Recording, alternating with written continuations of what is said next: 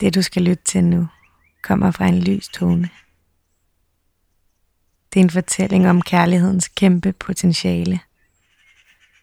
Om at forene det lyse og det mørke.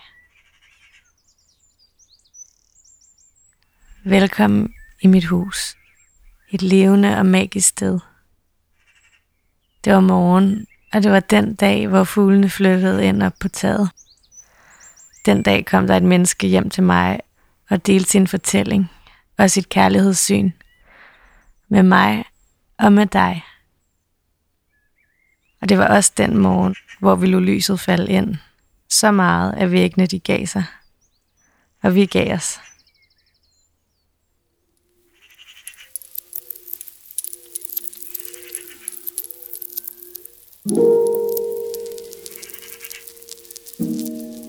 Det du skal lytte til nu er en hule, hvor du enten alene eller sammen med andre bare kan lægge dig godt til rette og lytte til et kærlighedsmanifest.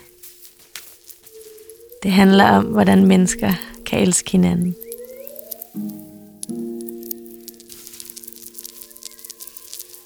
Velkommen i bølgen.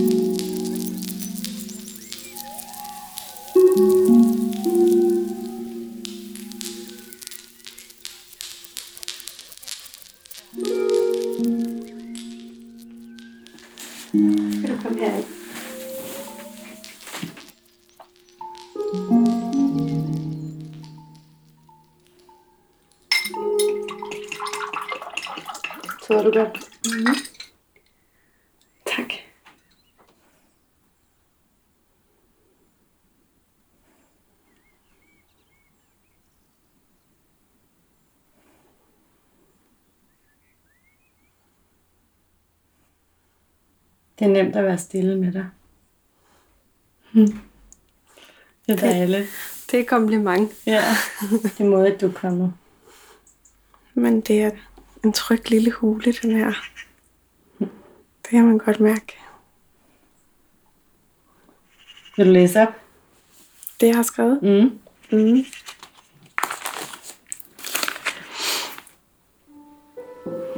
Jeg har skrevet virkelighed over for fantasi. Alt det, der pludselig er virkeligt, som er startet fra en lys tone. Det handler ikke længere om længsel, men om at gøre det bedste, man kan nu og her. Og være det bedste, man kan være. Og at se sit eget potentiale og turde lade det lyse op. At kærlighed er et valg og en smerte og en kamp, der nødvendigvis må starte med viljen. Uden vilje kommer man ikke et eneste skridt frem.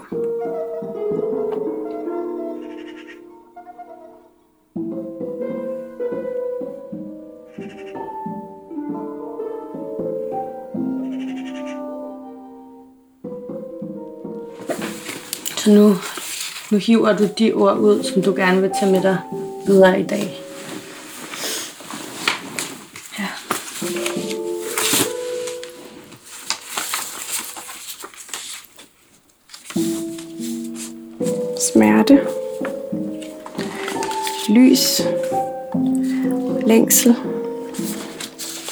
Virkelighed. Valg. Ture. Vilje. Potentiale.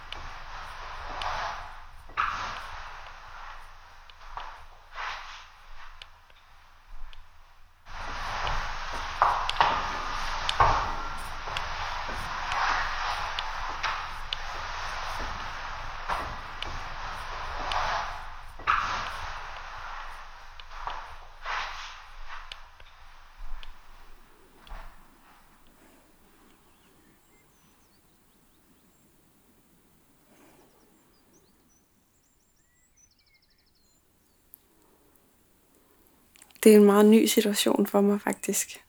Altså, jeg har aldrig øh, prøvet kærlighed, der var så hård og god samtidig. Jeg tror, jeg er blevet bevidst om, hvor reelt kærlighed faktisk er, og hvor virkeligt det faktisk kan være. Og hvor langt væk det er fra et eller andet fantasifoster, man har dyrket og skabt inde i sig selv. Man går rundt og har en idé om, at man skal møde en, et menneske, som kunne bringe mig over i, altså på et nyt niveau. Så jeg tror, jeg har skabt et fantasifoster i mange år, som jeg så har haft udvalgte personer, som ligesom har repræsenteret det for mig.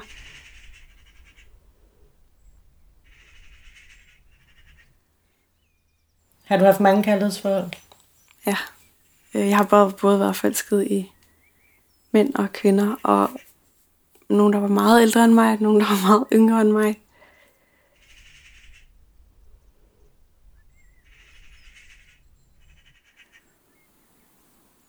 Ja. Er du forelsket nu? Ja. Det er jeg. Nu kommer fuglene. Ja. Hvor længe har du været forelsket?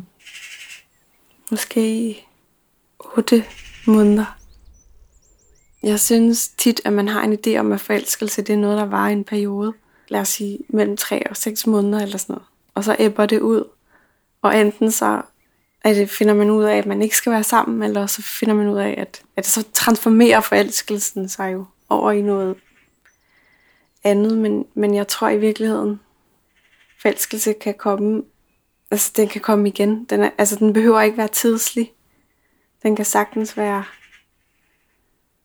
meget langstrækt, og den ændrer også karakter i, over tid. Hvad var det første frø i den forelskelse, du er i nu?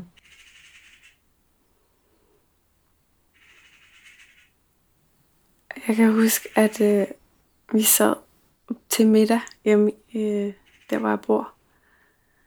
Og øh, så sad han over for mig, og jeg kan ikke huske, hvad det var, vi grinede af, men vi grinede af noget over maden. Vi havde sådan en lille ting, bare os to. Og så skulle jeg bagefter ud, og jeg skulle mødes med nogen. Jeg skulle i biografen. Og jeg cyklede bare hjemmefra, og kunne ikke lade være med at grine. Du ved, sådan grin, man ikke holde tilbage. Sådan, det sad bare i mig, sådan, og jeg følte mig så fjollet. Det er vildt nok, når, når en person begynder bare at køre i ens hoved. Det var der, jeg ligesom blev bevidst om det, tror jeg. Okay, det går ligesom ikke væk. ja.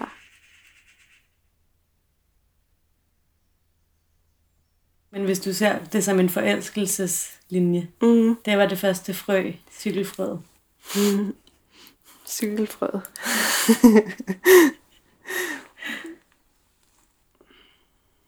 så skete der faktisk noget ret vildt, at jeg, jeg tjenter. Og samtidig begyndte jeg at læse en bog om kærlighed, som hedder All About Love det jeg tog med mig fra den bog, det var, at kærlighedens sprog på en eller anden måde er noget, man selv skal formulere. Man skal sætte sine ønsker op for, hvad det er, man leder efter i et kærlighedsforhold. Egentlig at gøre sig meget bevidst om det, fordi ellers kan man famle rundt, og man tror, man længes efter noget. Øhm, og det gør man jo, man længes efter noget, men man ved måske ikke, hvad det er. Og så tager det alle mulige former, og så kan det være uhensigtsmæssigt, men ja, jeg tror, jeg blev inspireret af den bog til ligesom at skrive ned faktisk en liste over 10 ting, jeg så som værdifulde i et forhold. Vil du ikke læse dem op fra din hjerne, bare dem du kan huske? Jo. Der stod i hvert fald samhørighed, seksualitet, altså ja, seksuel kemi, gensidig forståelse, øhm, drømme, omsorg. Og ville hinandens fulde liv. Det betyder, at man vil hinandens familier, og man vil hinandens venner, og man vil hinandens hverdag, og ikke bare ved hinanden, når det er sjovt og øh, fredag aften-agtig. Men at man også gerne vil se hinanden vågne op om morgenen og have søvn i øjnene. Så ja. Jeg fik i hvert fald lavet den liste, og så, jeg tror det gik op for mig, at jeg havde egentlig gjort mig enormt umage for at være et eller andet for nogle andre i alt for lang tid. Altså være det perfekte billede i nogle andres øjne, uden at stille krav egentlig den anden vej.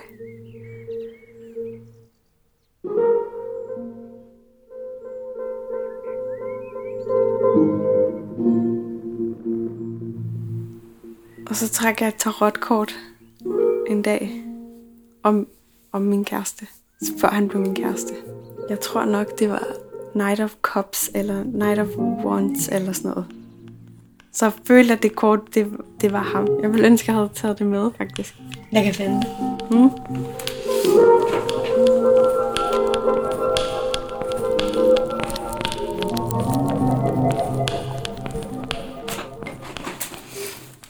Ja.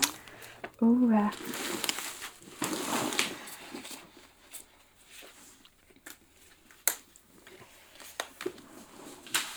Den her, der var den. altså, der er en, en ridder i en grøn rustning på en hvid hest. Prins på en hvid hest. Meget kliché. han har vinger, hesten har ikke vinger. Og så har han et bager, som han holder op mod solen, hvor der sidder en krabs i. Mm. Vil du læse lidt op for den? Ja. Nøgleord. Vandets ild. Hengivelse til det elskede menneske. Evne til at give, at nå højere emotionelle planer, spirituelle forbindelser. Så står der. Du længes efter intensiv gensidig udveksling med ligesindet. Spørgsmål. Hvordan kan udvekslingen i dine forbindelser beriges? Forslag. Led efter din sande familie. Det fællesskab, hvor du føler dig hjemme. Der finder du den kvalitet i kommunikationen, som du længes efter. Det gør mig ret rørt, fordi at, øh, ja, det, det er bare stort, fordi jeg har ikke har mødt nogen på den måde før, som jeg var så forbundet med. Ja, det var som om, at det var en sindssyg forløsning og læse det, og pludselig var det bare soleklart.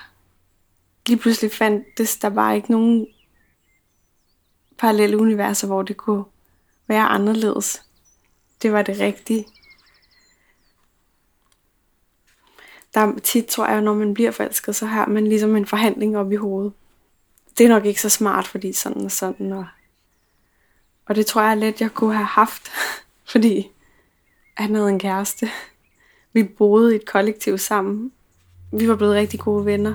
Altså, der var mange ting. Men når den står klart inde i en, hvad man vil, så bliver alle de ting fuldstændig ligegyldige. Det, det så er de kastet over bord, ikke? Så ser man dem ikke længere.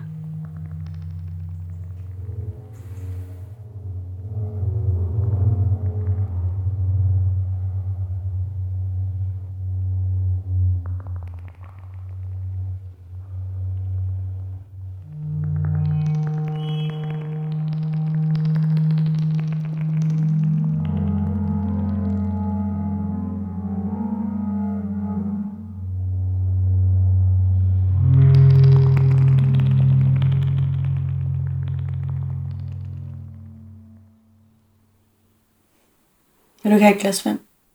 Jo. Kan du også have et glas vand? Ja.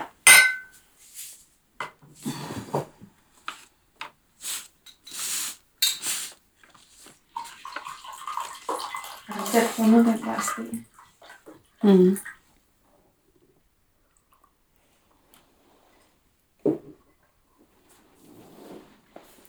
Okay, men nu skal vi snakke om smerte. du kan godt lige holde en pause. Inden. ja, vil du prøve at beskrive, hvad du synes forholdet er mellem kærlighed og smerte, som du oplever det? Mm. Ja. Altså modsætninger er på en eller anden måde så øh, indviklet i hinanden, at, at det nogle gange kan være svært faktisk for os at se forskel. Så jeg tror, at mange mennesker har prøvet at føle had mod et menneske, som de virkelig har elsket dybt. Fordi at kærlighed fremprovokerer jo alle de værste ting i en også. Man finder ikke i en, nogen andre slags relationer en dybe kærlighedsrelationer, hvor man er så blottet og nøgen og rå, som man er. Ja, og man bliver jo konfronteret med sin egne, alt det man ikke kan lide ved sig selv, det man er bange for, og alt det man, når man ikke gør det godt nok, ikke? Når man ikke kan leve op til det, man selv forventer.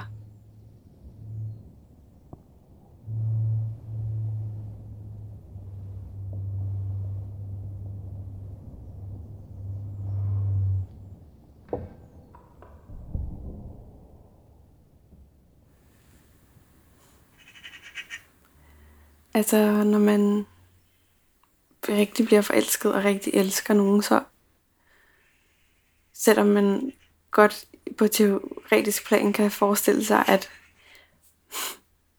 helt buddhistisk-agtigt kunne være at have det fint med at sætte hinanden fri.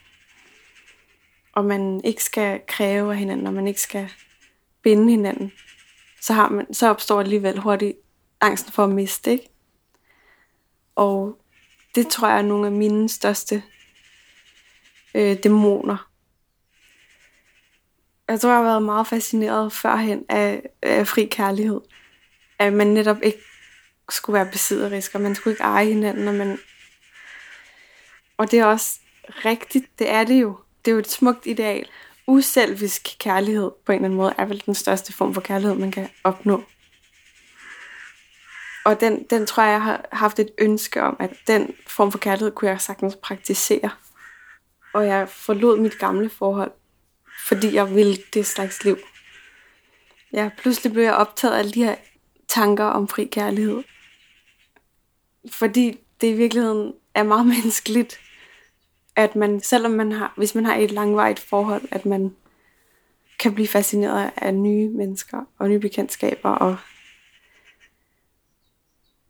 og i stedet for at putte en masse skyld og skam ind i det, så kunne man, hvis man var rigtig dygtig, give det til, til sin elskede på en eller anden måde. Ikke?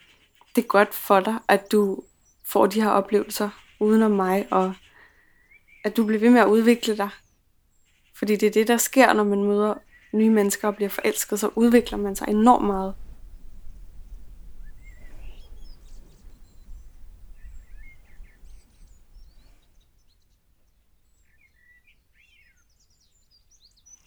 Ville du også det, da du så forelskede, sig, ja, forelskede dig i din kæreste? Nej, det er jo så det. Det er sket lige så snart vi kyssede første gang. Og jeg var sådan, jeg har ikke lyst til, at han skulle være sammen med andre. Og jeg havde ikke lyst til at være sammen med andre. Og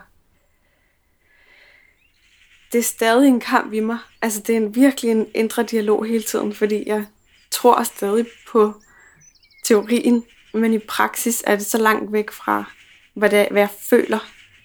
Det vil være sådan en voldsom smerte, hvis øh, han skulle blive forelsket i en anden, eller blive forbundet med en anden. Og det er jo helt væk på en eller anden måde, at man tror, at fordi det er sket, så vil der blive taget noget væk fra en. Men, men det gør der samtidig alligevel jo, fordi man i en forelskelse er så optaget af det, at det nærmest er en besættelse jo. Hvor gør du af de følelser nu i jeres forhold? Jeg tror, det starter som sådan en obsession op i, altså nærmest et tandhjul op i hjernen, ikke? hvor man er totalt afkoblet fra kroppen. Og man tænker bare, man tænker, man tænker, man er sådan, hvad nu hvis, og hvad nu sådan, og, hvad, og øh, det er det eneste, man tænker på, når man skal sove. Det er nærmest skræmmende, at man kan være så meget i sit hoved. Og så siger man det højt, og lige pludselig så mærker man det i maven. Wow, der sidder en kæmpe knude der, som bare har trykket. Altså, oh, ja, smerte, det er smertefuldt i virkeligheden, ikke? Så kunne jeg sige, jeg ved godt, at øh, du aldrig kunne finde på noget. Jeg er bange for, at du længes efter ild og luft og pingpong og kemi, og at jeg simpelthen er for dyb og tung for dig. Det kunne jeg finde på at sige. Så kunne han finde på at sige, det forstår jeg godt, og det er okay, at du har det sådan. Hvad sker der så i din krop, når han siger det? Den der knude i maven? Men den opblødes ligesom bare, og så bliver den mere subtil, eller den bliver mere sådan underliggende. Altså det føles ikke længere som sådan tusind bier, der sværmer om dit hoved. Og du ikke kan altså, komme fri af det. Det føles meget mere som, okay, det er en lille uro, og man skal i virkeligheden bare give det luft.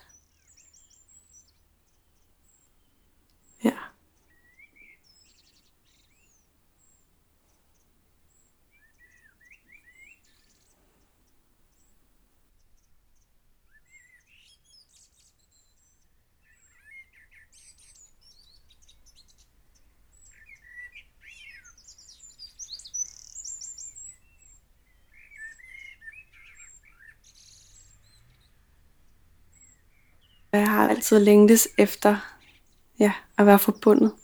Ja. Tit føler jeg, at det har været hjemrejser og udrejser. Det der med bevægelse væk fra noget på et fly, eller på en cykel, eller i en bus. Nogle gange, hvis jeg flyver hen over Istanbul, bare at se byen oppefra, bare at se altså lysene under mig, det vækker bare den starter længslen igen på en eller anden måde. Hmm. Hvad er dit forhold til længsel nu? Jeg tror aldrig, jeg kommer til at slippe min længsel fuldstændig. Selvom at jeg er et sted nu i kærlighed, som er langt mindre længselsfuldt. Fordi der ligesom er trådt noget virkeligt ind, så tror jeg, at jeg er så tung nostalgiker og melankoliker, at minder og fortid og musik og sådan noget kan få mig. Ja, jeg føler det som en del af min DNA. Det løber i mit blod på en eller anden måde, at jeg altid længes og romantiserer. Ja. Det er motor for empati, at jeg kan genkende det i andre mennesker, som har det samme. Jeg kan genkende det i dig. Ja, jeg kan se det i øjnene. Der er en vis drømmende aura, og en vis sådan længselsfuld, øh, hvad skal man sige, eller en sult på, at livet er mere fyldigt, end det, der bare bliver givet dig.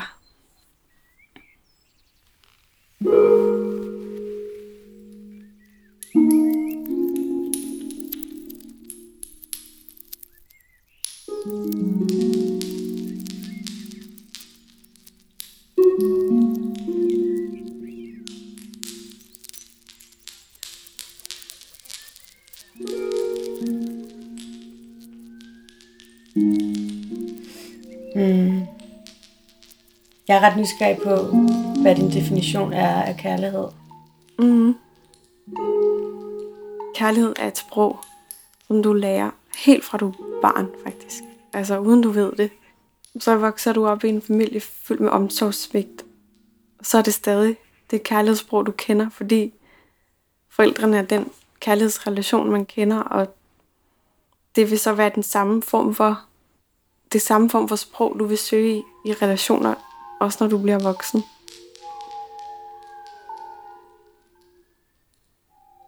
Kærlighed er faktisk et sprog, man taler uden at vide det. Man har brug for noget, man er god til at give noget. Det kan være en givenhed, eller fysisk nærvær, eller at man hjælper hinanden, eller at man er der for hinanden, når man har brug for det.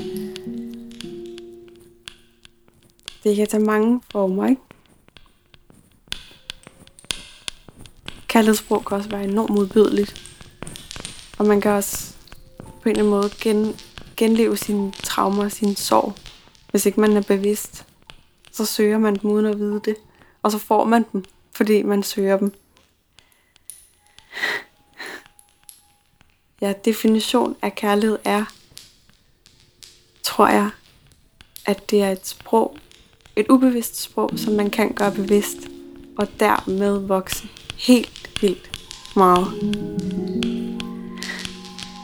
At gøre sig bevidst om sine mønstre og sine længsler og sine krav til kærlighed. Det gør, at man også selv er tvunget til at se på, hvad man selv giver. Ja.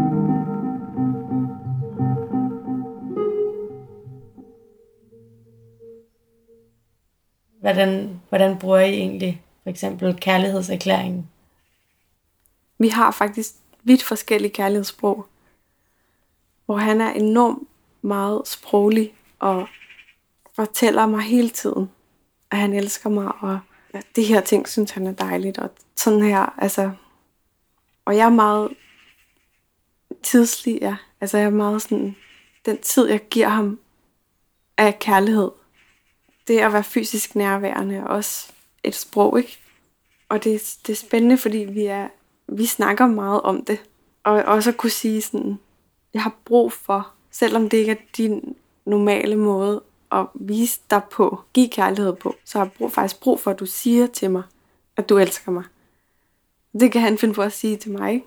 Jeg synes, det er enormt modigt, og jeg synes, at det er vigtigt, at man også kan udvikle sit sprog på en eller anden måde, ikke? Og give noget, man ikke, der ikke nødvendigvis ligger super naturligt til en. Men en ting er også, at man kan det i sin, altså når man har, er et godt sted.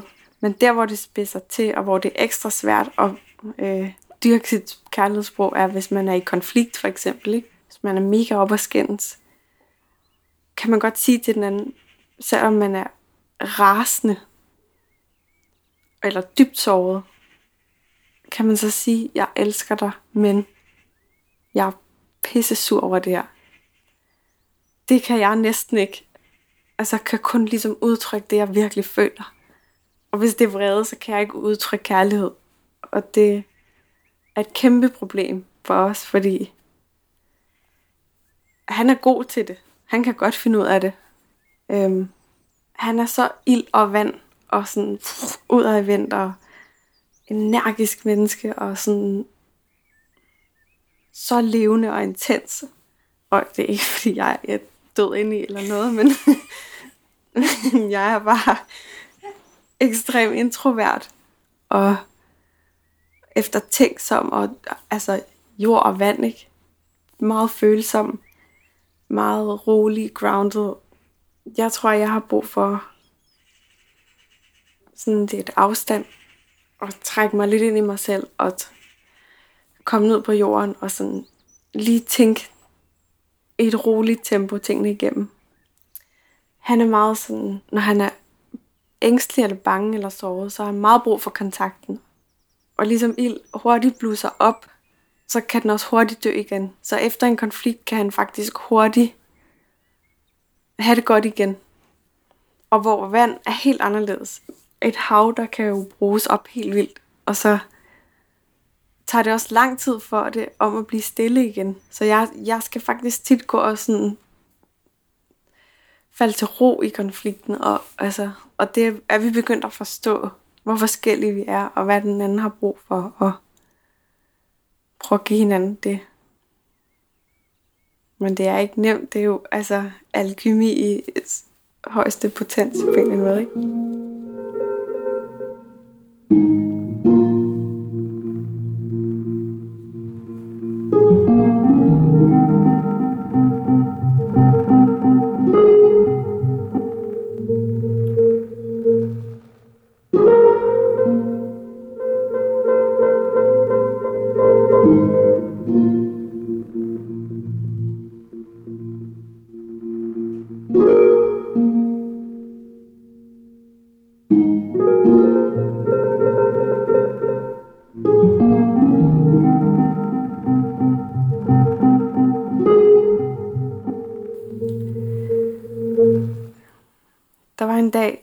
tror, vi havde sådan et skænderi, hvor jeg altså har aldrig mærket ejerskab i, i hele min krop før på den måde.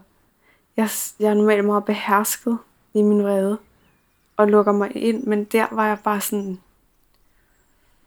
Åh! Jeg skreg bare og kastede med ting, og vi sad ude i haven, og jeg skubbede til havemøblerne, så de væltede, og det susede bare fra ørerne. Man kan næsten ikke høre noget, fordi man bare er sådan... Åh. Hvad var du vred over? Øh, jeg havde næsten lige fundet ud af, at jeg var gravid, og vi havde haft en uge, hvor vi havde været helt i tvivl om, hvad skulle der ske, og var det overhovedet det, vi skulle, og jeg har haft det ret meget krise faktisk. Jeg var rigtig bange for, at han ikke ville det rigtigt, og så aftalte vi lige, okay, vi tager lige en aften hver for sig, og reflekterer og rolige, og så mødes vi i morgen, og så snakker vi det hele igennem. Øhm, og så kom jeg hjem næste dag, og så fortalte, det første han fortalte mig, var, at han havde taget, han havde været ude i byen med sine venner, og så havde han taget coke, og så havde han været, bare, altså haft sådan en rigtig sindssyg bytur, du ved ikke. Og så sagde han det bare sådan casual, som om det bare var. Og jeg blev så sur. Oh, altså, jeg har aldrig i mit liv været så vred. Og jeg tror, at selvfølgelig er der også noget hormonelt. Altså, der var jeg, følte jeg godt nok, at mit hav var i oprør. Jeg tror, jeg sagde, at jeg synes, det var så fucking ynkeligt og latterligt, og jeg har aldrig hørt noget så dumt. Du var så barnlig, og, og var det sørgeligt, og ah, men det var virkelig, jeg kan ikke engang huske det rigtigt, det var bare modbydeligheder, der kom ud af min mund. Og det hjalp bare ikke, altså det var lige meget, hvor mange modbydelige ting jeg sagde, så blev det ikke bedre. Så tog jeg bare min cykel, og så cyklede jeg ud til Udderslev Mose. Og så gik jeg bare rundt der og rasede. Lige der tror jeg, jeg tænkte, det, kan, det er ikke et godt sted at bringe et barn ind i et forhold, der er så forvirret og dramatisk. Og samtidig med, at jeg sådan kropsligt vidste, det tror jeg, at det, der ikke var ikke, det var noget valg. Det er sådan, det er. Når det først er der, så er det der. Og så er man bare sådan, så beskytter man bare. Den vrede var vel egentlig også en form for beskyttelse, uden helt at være klar over det. Men så tror jeg, at jeg tænkte, okay, altså det er jo ikke et valg ikke at være sammen. Vi bliver nødt til at mødes og snakke om det. Og vi bliver nødt til at prøve at forstå, hvorfor det skete, og ja, prøve at lytte i virkeligheden. Hvordan beslutter du dig for at lytte, når du er fyldt op af følelser? Det er meget svært. Jeg tror, at det kræver et lidt tid alene. Jeg bliver nødt til at trække mig væk og tage nogle dybe indrømninger og sådan i virkeligheden tænke en masse kærlige tanker om sig selv og om den anden. Altså selvom det næsten kan være føles umuligt. Ja, nærmest, altså det er jo sådan meditativt i virkeligheden, ikke? Altså at man sådan kommer ned i kroppen igen. Og så er det jo valget. Det er jo viljen til at ville møde den anden. Og forstå det, man ikke forstår. Fordi nogle gange forstår man det bare ikke. Nogle gange er man sådan, hvad laver du? Hvor er du? Hvad fanden tænker du på? Fordi det er så fjern fra noget, man selv vil have gjort, eller så skal man bare ja, tage det valg, at man, selvom man ikke er det samme sted, eller ikke forstår det, så skal man prøve. Ja. Jamen, så tog du hjem. Mm. Lyttede du så? Ja, det gjorde jeg. Det gjorde jeg, og prøvede, jeg tror også, det hjælper sådan, prøve at se det lidt udefra. Det er ikke bare det enestående eksempel, der gør, at jeg fyrer sådan i flint. Det er alle mulige årsager, der er med til at påvirke en konflikt. Det giver en lidt ro, faktisk. Selvom det også skal være forvirrende, selvfølgelig. Hvad lærte du af den der episode? Jeg har lært, at selvom jeg kan være så vred, så kan jeg også komme tilbage. Og at det også er godt at kunne være, blive så vred. det er ret befriende faktisk. At gå bare og lade det strømme.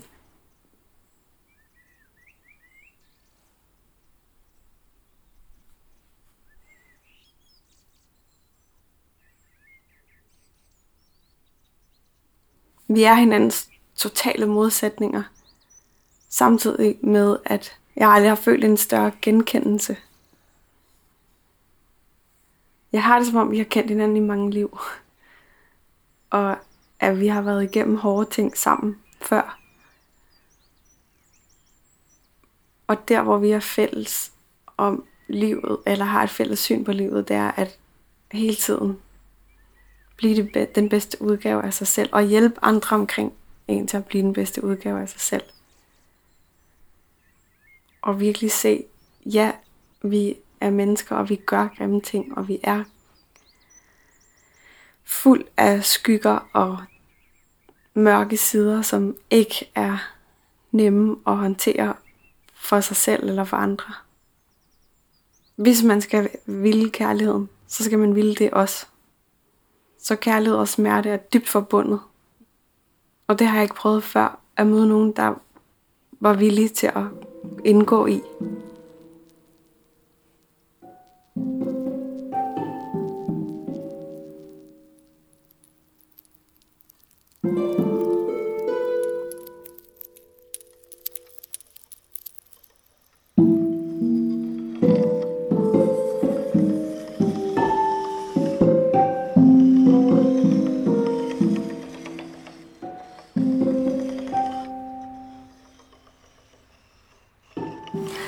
Okay, nu kommer vi nemlig ind i det sidste kapitel.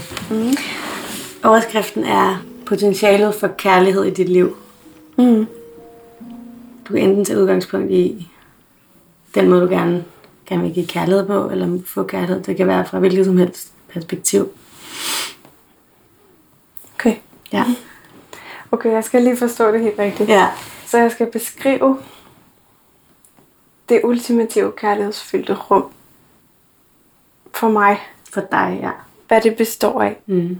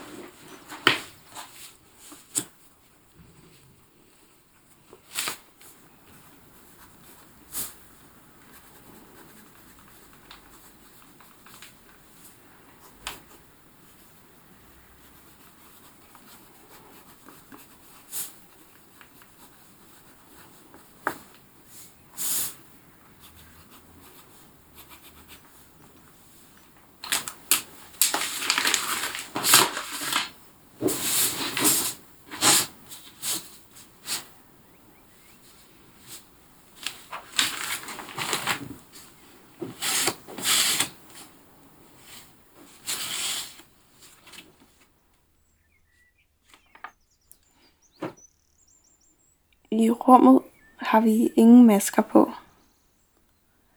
Vi ser hinanden og løfter hinanden, når noget i den ene bliver for tungt. Vi glemmer ikke os selv, men finder hele tiden ud af, at kærligheden kan vokse uden grænser. Vi lærer ting, vi ikke vidste noget om. Om os selv, den anden og resten af verden. I virkeligheden er rummet der altid. Når vi gør det bedst, er det sløret, vi fjerner, så vi opdager rummet. Og vi lader lyset falde ind.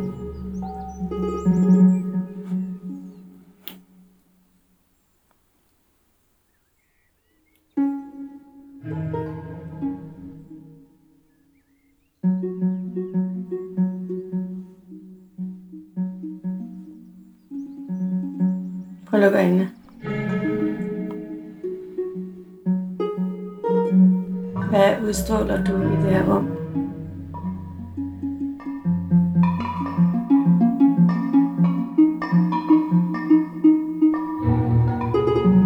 Mm-hmm.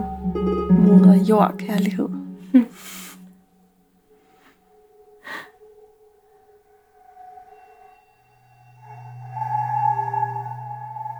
Og håb. Hvordan føles det at være gravid? Så naturligt. Og stærkt. Ja. Uragtigt. Hvilken slags mor tror du, du bliver? Jeg tror, jeg bliver en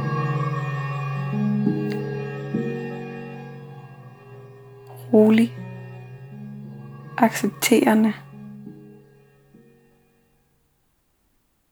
konstant støtte. Det er jeg slet ikke i tvivl om.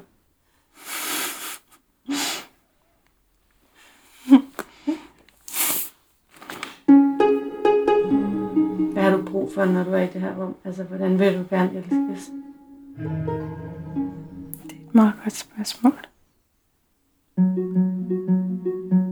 Jeg vil gerne elskes både højt og dybt. Altså både op i toppen af træet og ned i rødderne. Så jeg vil gerne ja, forene det lyse og det mørke.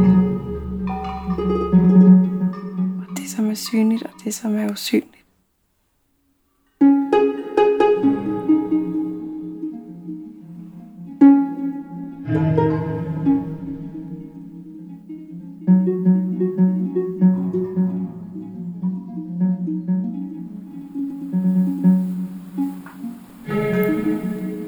Du klar, må du gerne lægge en hånd på dit hjerte.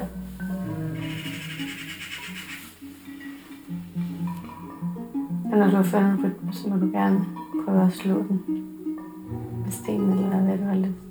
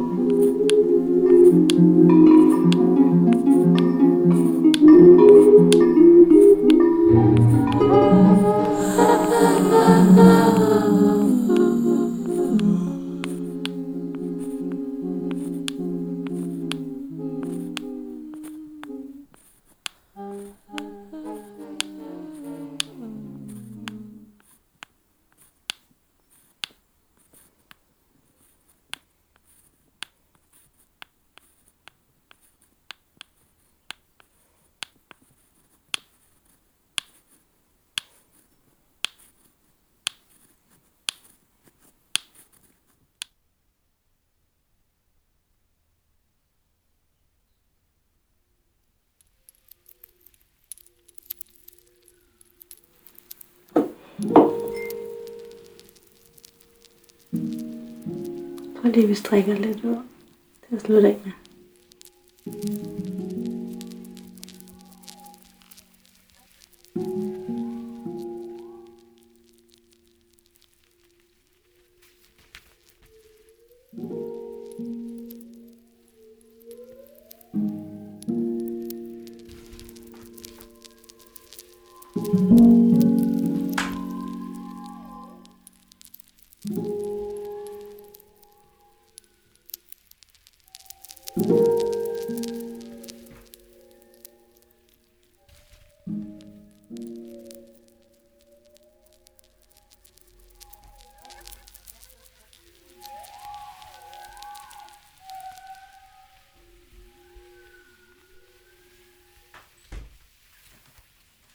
Du har lyttet til Vi lader lyset falde ind, og vi håber sådan, at du vil godt mod. Vi vil også gerne anbefale et par bøger om kærlighed. Den første er All About Love, skrevet af Bill Hooks, og den anden er Kærlighedens forrygte tale, skrevet af Roland Barthes.